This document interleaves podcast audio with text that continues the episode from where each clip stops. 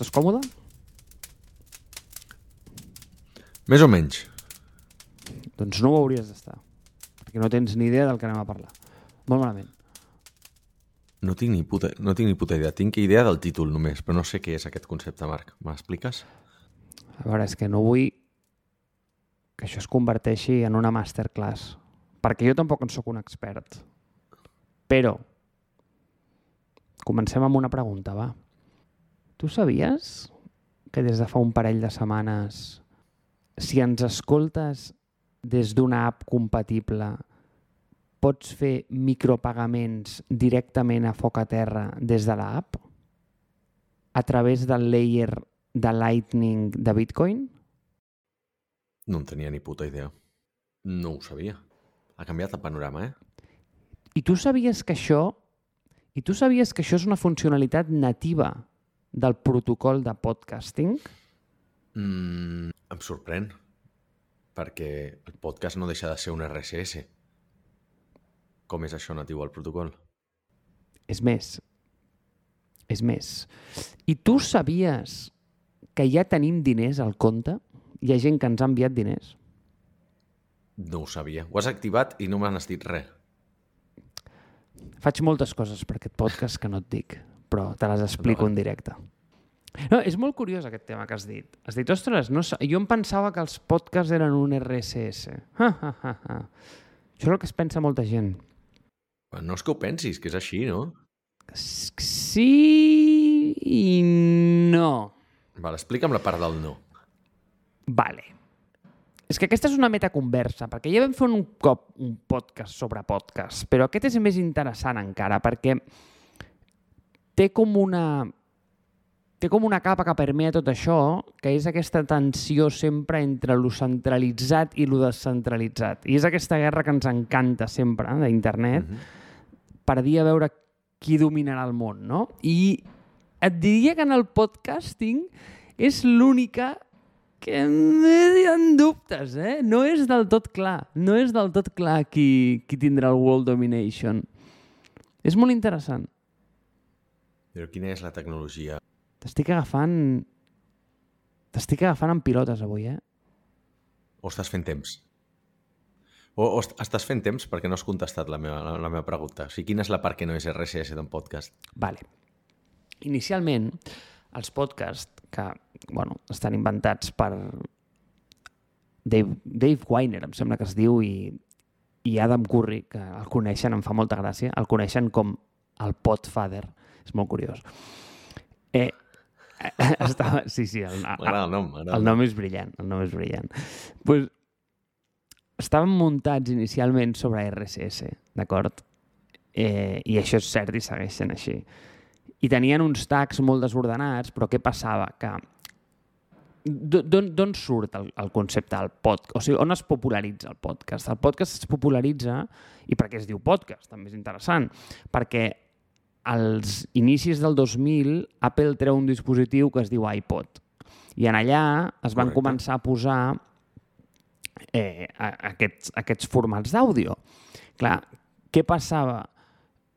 Que el directori, i aquest és el punt que molta gent no entén, que és el de quan tu entres a iTunes i busques foc a terra, aquell arxiu que et surt no està en els servidors d'Apple, està en els servidors d'un tercer, val? que està d'al- d'alguna manera és un directori cen- des- descentralitzat. Però Apple va ser molt neutre durant molts anys sobre com s'havia de tractar aquest protocol. Llavors, simplement, ell era un mantenidor, d'alguna manera, de la base de dades i el que feia simplement és que tu pujaves un podcast eh, i el hostejaves pues, a la teva plataforma on tu volies, com si el volies tenir en un servidor a casa, i Apple el que fa és que indexava això i tenia aquesta base de dades que tothom era oberta i que tothom podia, podia fer servir. Això té una bona... Anem, anem a dir que això va, va, va portar una bona notícia i una dolenta. La bona notícia és que, evidentment, podcast es va mantenir com un mitjà neutre i tenia una base descentralitzada i funcionava molt bé. La mala notícia és que com que Apple no va posar la mà sobre això i ningú va posar la mà, anem a dir que es va deixar una mica, perdó la redundància, de la mà de Déu. I el protocol no va evolucionar i es va quedar com era. Llavors, el que és veritat és que Apple sí que va posar una mica de mà, i el, però ho va fer de forma desordenada. Però com que era l'únic que tenia la clau d'entrada, malgrat no l'accés, de aquella porta d'aquell directori, es va crear una cosa sobre del protocol de RSS que es diu iTunes, que és un, el que es coneix com un namespace. Un namespace és com anem a dir, com un espai que tu et pots crear dintre del protocol. Llavors és per aquest motiu que si tu fas un crawling de l'RSS feed, veuràs que hi ha uns tags que són iTunes, iTunes, iTunes. Ha un que és iTunes Summary, iTunes eh, Description. I llavors això es va quedar d'alguna manera com que, bueno, pues, mm, és és l'estàndard del protocol, però no estava protocolitzat això, sinó que era una cosa d'iTunes. Vale. Pues ara, per primera vegada, què és el que està passant? Les grans s'han donat compte que aquí hi ha pasta. Llavors Spotify s'hi ha posat, Spotify s'ha patat aquest, eh, aquest protocol, Apple s'hi ha posat amb les seves subscripcions, s'ha patat aquest protocol, Amazon s'hi ha posat, tothom s'està patant una mica aquest d'això. Però hi ha una iniciativa paral·lela de, de, de podcast que es diu Podcasting 2.0, que el que fa és que ha creat bueno, doncs, tio, una estructura amb la nova versió d'aquest feed RSS, de forma nativa, descentralitzada i oberta. Tenen una comunitat de GitHub acollonant, que funciona superbé, i hi ha un ecosistema que està funcionant en Podcasting 2.0 de la hòstia. De la hòstia. Què, Àlex? Com respires? Ho sabies, això, o no? No, de fet el que estava fent era anar a obrir l'arxiu, l'RSS, bueno, l'XML, que defineix l'RSS de, de, dels meus podcasts, per veure, per veure això. No estic, no estic aconseguint obrir-lo. Per veure el tema tax. Però aleshores em, em, em resulta interessant veure com s'ha construït aquesta infraestructura de micropagaments a sobre d'una tecnologia tan bàsica no? com és el com és RSS. O sigui, realment això és el que em fa patar una miqueta al cap. Perquè estem parlant d'XMLs, no estem parlant d'arxius molt més complexes. És interessantíssim això que dius, Àlex. De fet, fixa't, eh? Llavors, el, el que ha fet Podcasting 2.0 és que a mi em sembla fascinant això, perquè, és a dir, és l'únic espai on realment veig una guerra bastant simètrica entre l'open source i el i els jardinets tancats de Spotify i els amics de, bueno, de les bases de centrals de la vida, no? Llavors, veig com la única, com et diria, com una de les poques aplicacions de descentralització que, un, tenen molt sentit, dos, funcionen molt bé. De fet, eh, actualment hi ha una nova base de dades que es diu Podcast Index, que és diferent de la d'iTunes, que ve a ser com la nova versió d'aquesta base de dades oberta. Val? Actualment ja hi ha més de 4 milions de podcast i perquè vegis com funciona i, i que realment té molta vidilla, en els últims 3 dies s'han publicat més de 100.000 podcasts, en els últims 10 més de 250.000 i en els últims 90 dies quasi mig milió. És a dir, està molt, està molt activa, està molt activa.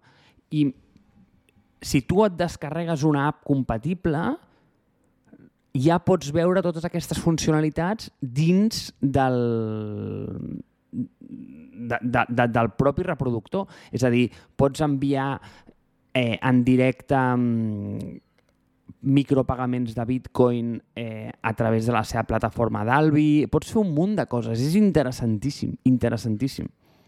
Però a través de, la, de, per exemple, l'aplicació Apple Podcast no ho té, això, no? No, perquè, evidentment, Apple Podcast mm, anem a dir que és dels dolents de la pel·lícula. Clar, quines serien les compatibles? Ui, n'hi han n'hi han a patades. De fet, si te'n vas a la pàgina de podcastindex.org i te'n vas a apps, em veuràs, bueno, o sigui, una, una barbaritat. Jo utilitzo una que es diu Fountain. A mi m'agrada molt perquè té una UI molt maca i, i, i ja està molt bé, però, però n'hi ha moltes més. De fet, n'hi ha algunes que són molt grans eh, i que molta gent utilitza, com Podverse, per, per exemple, que funciona molt bé. Vale, Fountain. Me'l vaig a mirar, perquè és que... Bueno, jo faig servir l'Apple la, de... l'aplicació d'Apple, eh? i em està bastant bé. Però, clar, seria una bona manera de poder fer poder fer contribucions a, a podcasts que, que t'agraden. Ara bé, si només, només es pot pagar en bitcoin, anem fotuts, eh? Vull dir, creus que s'obrirà això a altres tipus de, de currencies o no?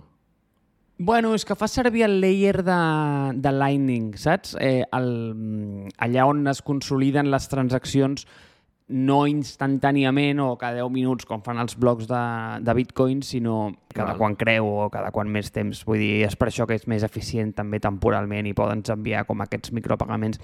A mi em sembla molt interessant això, Àlex, tio, perquè és que és com l'única guerra que veig on... Eh, a veure, guerra. Guerra entre cometes, eh? Vull dir, per, per guerra la que hi ha a Ucraïna. Aquesta no, això no és una guerra. Però l'única tensió on veig que realment hi ha possibilitat de que un protocol obert i mantingut per la comunitat tiri endavant i es consolidi per sobre dels, anem a dir, els, els jugadors més centralitzats. On més ho estàs veient tu, si no? És que em costa molt veure llocs on, on realment el poder de la centralització no hagi pogut sobrepassar aquesta eh, força de la comunitat i sobretot, i sobretot aquest punt jo crec que és crític, ara que hi ha aquesta espècie de criptohivern, anem a dir, eh, sembla que cada vegada estan agafant més força aquests jugadors centrals. És que em costa veure això que m'estàs explicant, eh? O sigui, em costa, i des del complet desconeixement, perquè avui vinc ja no impreparat, sinó directament a zero, eh? O sigui, a menys infinit de preparació. Però al final els grans players, tipus, doncs això, Apple, Amazon, que també està amb el tema de podcast i cada cop hi està invertint més. Spotify, no? que ara ha llançat, a, a, ja, ja pots veure els, els podcasts en vídeo a Spotify, que abans no eren només àudio, no? Estan invertint molt en això.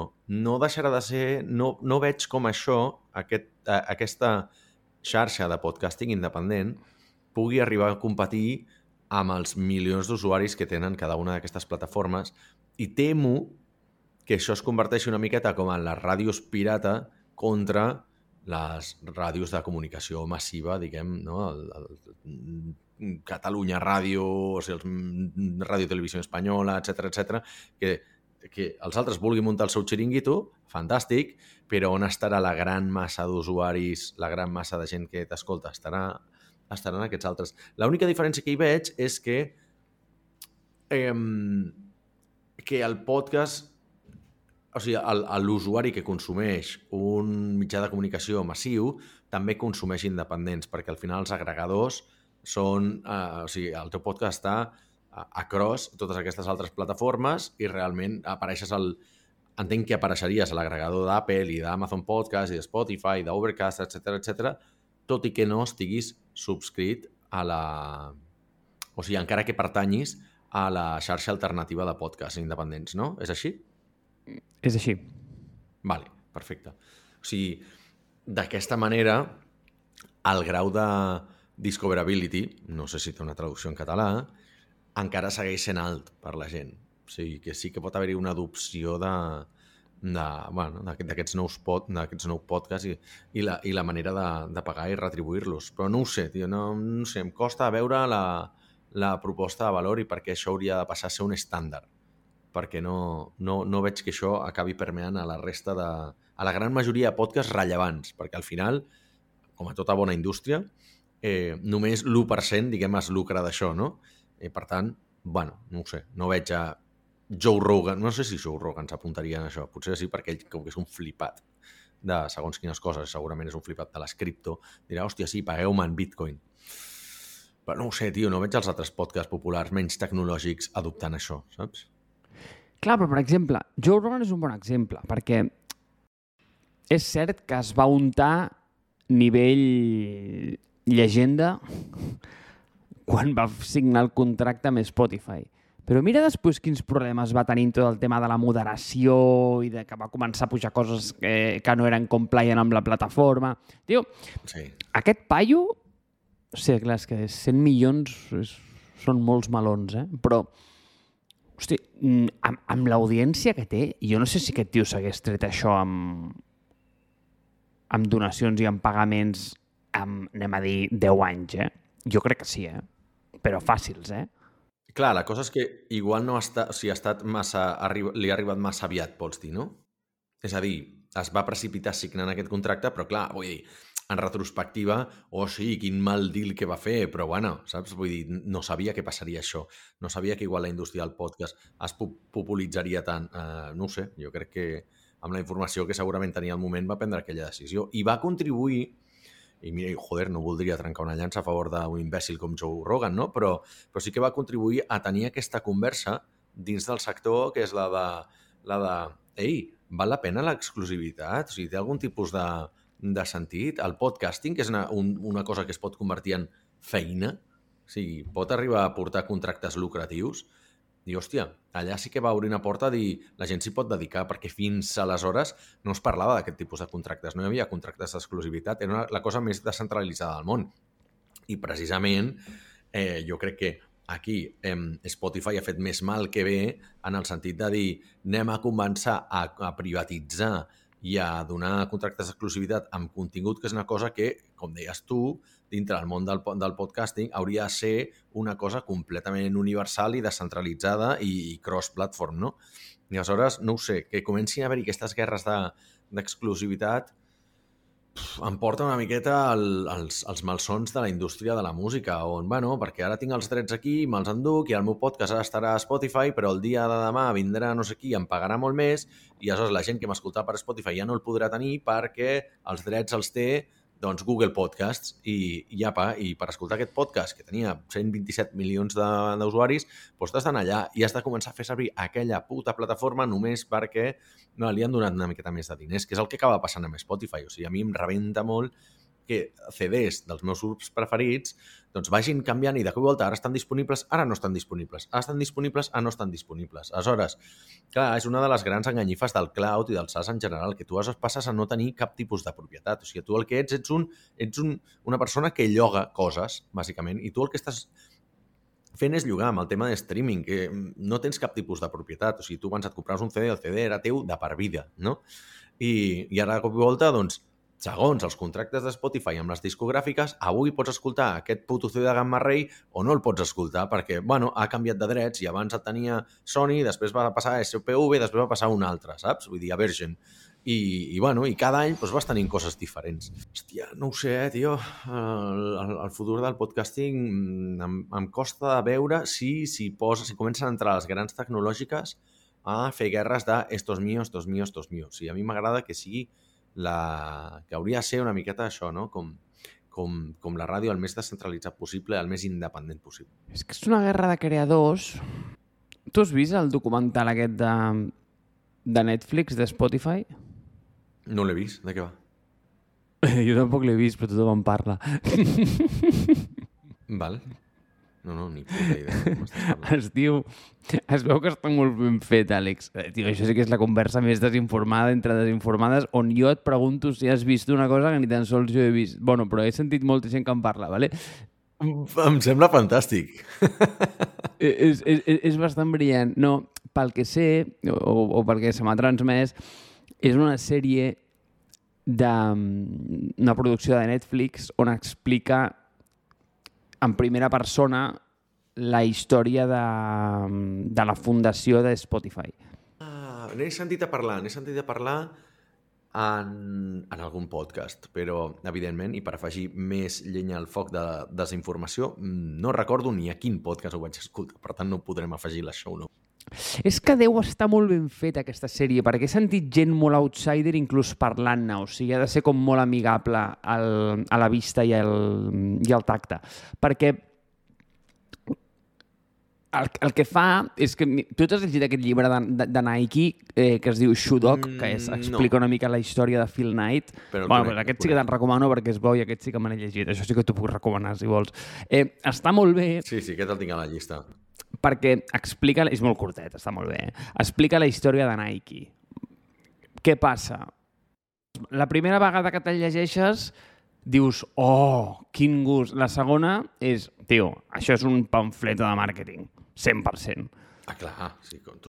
Pues, eh, jo penso que aquest documental de Spotify deu ser, o sigui, bueno, una ensabonada, nano, que deu sortir d'allà pensant que Spotify eh, són els evangelistes de la indústria. Quan hi ha una mica de tot.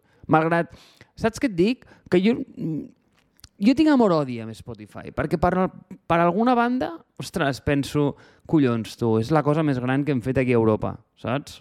Sí, literalment. Bueno, estaria allà, allà amb Skype, però bueno, acceptem que, Skype, Mm. que Skype està de, de capa caiguda si no fos perquè les grans corporacions encara fan servir Skype per les trucades, saps? Vull dir, jo me n'he donat amb, amb empreses totxes amb les que treballo que diuen, no, no, és que nosaltres aquí fem servir Skype. O sigui, no fan servir Zoom, ni Webex, que és l'altre. O sigui, Apple fa servir Webex.